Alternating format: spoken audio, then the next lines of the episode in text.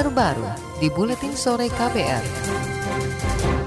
Saudara masuk atau tidaknya rancangan Undang-Undang Penghapusan Kekerasan Seksual RUU PKS ke dalam program legislasi nasional Prolegnas 2020-2024 akan ditentukan hari ini. Pembahasan penentuan akan dilakukan Badan Legislasi DPR dengan Menteri Hukum dan HAM serta Panitia Perancang Undang-Undang DPD. Rapat itu akan memutuskan RUU mana saja yang bisa masuk prolegnas RUU Prioritas 2020, salah satunya RUU PKS. Menurut Sekretaris Kementerian Pemberdayaan Perempuan dan Perlindungan Anak, Pri Budiarta Nursitepu, kementeriannya akan membahas sejumlah definisi yang masih dianggap multitafsir. Dia beralasan pembahasan RUU PKS terhambat bukan karena penolakan sejumlah fraksi di DPR, tapi karena berusaha mewujudkan definisi penghapusan kekerasan seksual supaya tidak terkesan diskriminatif. Kalau disebut aman sih belum karena kan ada harus ada diskusi lagi mengenai definisinya itu tadi definisi kekerasan karena misalnya beberapa isu yang kemarin mencuat misalnya terkait dengan hak seksual itu hak, hak sorry maaf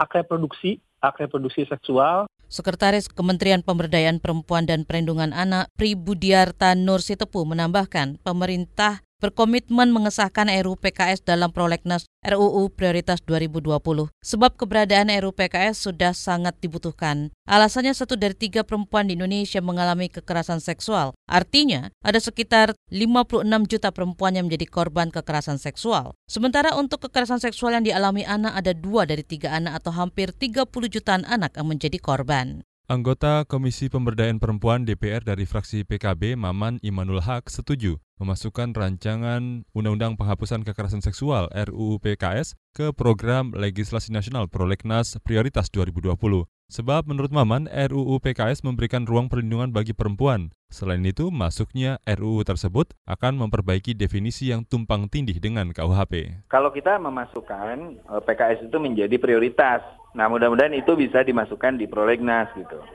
Kita punya usulan prolegnas prioritas itu dari praksi PKB, terutama dari komisi kami, komisi 8. Kenapa? Karena itu memang sudah dibahas kemarin dan itu menjadi penting gitu untuk mengurangi uh, kekerasan terhadap perempuan. Sebenarnya yang uh, akan kita perbaiki itu satu soal definisi yang kedua soal pidana yang masih ada tumpang tindih dengan KUHP. Saudara pembahasan soal rencana memasukkan RUU penghapusan kekerasan seksual ke dalam prolegnas RUU Prioritas 2020 masih menjadi perdebatan. Pasalnya ada fraksi-fraksi yang masih menolak. Menurut Maman, fraksi-fraksi yang menolak itu tidak setuju dengan definisi kekerasan seksual. Alasannya definisi kekerasan seksual dalam draft RUU PKS berpotensi multitafsir dan cenderung berbahaya. Ketua Komisi Bidang Sosial DPR dari fraksi PAN, Yandri Susanto memastikan RUU PKS akan masuk program legislasi nasional RUU Prioritas 2020. Yandri mengatakan pembahasan RUU PKS dilakukan pada tingkat komisi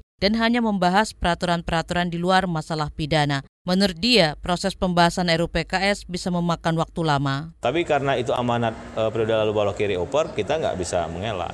Bonggolnya itu kan RUU KUHP, jadi kemarin sudah kita bahas di internal, sejatinya memang ini menunggu dulu KUHP. Jadi yang pidana-pidana itu induknya jelas. Tapi kalau kita memulai pembicaraan di luar pidananya nggak apa-apa. Kan masalah terminologi kekerasan itu apa, terminologi korban itu apa, itu boleh. Judulnya bagaimana itu boleh. Tapi ketika masuk masalah pidananya, wajib hukumnya kita nginduk kepada Undang-Undang KUHP. Ketua Komisi Bidang Sosial dari fraksi PAN, Yandri Susanto menambahkan pembahasan RUU PKS nantinya bisa dimulai dari awal atau melanjutkan dari periode sebelumnya. Yandri menegaskan RUU PKS akan terus dimatangkan dengan serangkaian dialog dari pihak yang pro maupun kontra. Koordinator Jaringan Kerja Prolegnas Pro Perempuan Ratna Batara Munti mendesak RUU PKS dibahas DPR tahun depan. Ratna berharap rapat kerja Badan Legislasi DPR dengan Menkumham dan Panitia Perancang Undang-Undang PPUU DPD sore ini memasukkan pembahasan RUU PKS ke dalam prolegnas prioritas. Sebab menurut Ratna, banyak kasus-kasus kekerasan yang seksual yang gagal diproses secara hukum.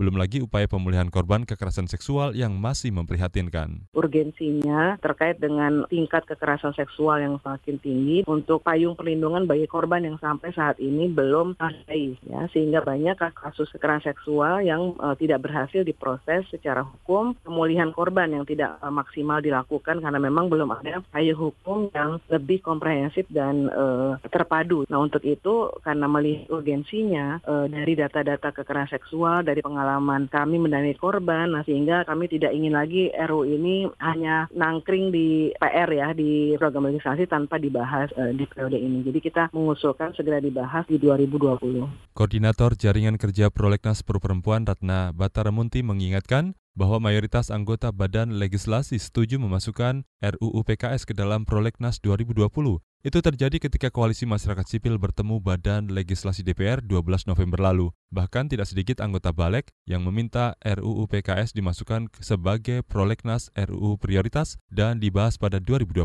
Ia juga akan menyiapkan langkah jika hari ini RUU PKS tidak dimasukkan ke dalam prolegnas RUU prioritas 2020. Ratna menyatakan siap memperjuangkannya lagi di tengah jalan Caranya dengan menggunakan suara sejumlah anggota DPR pada rapat paripurna untuk mengusulkan RUU PKS dibahas sebagai RUU prioritas. Saudara sejenak kita berolahraga bersama Arimba Ode Suara.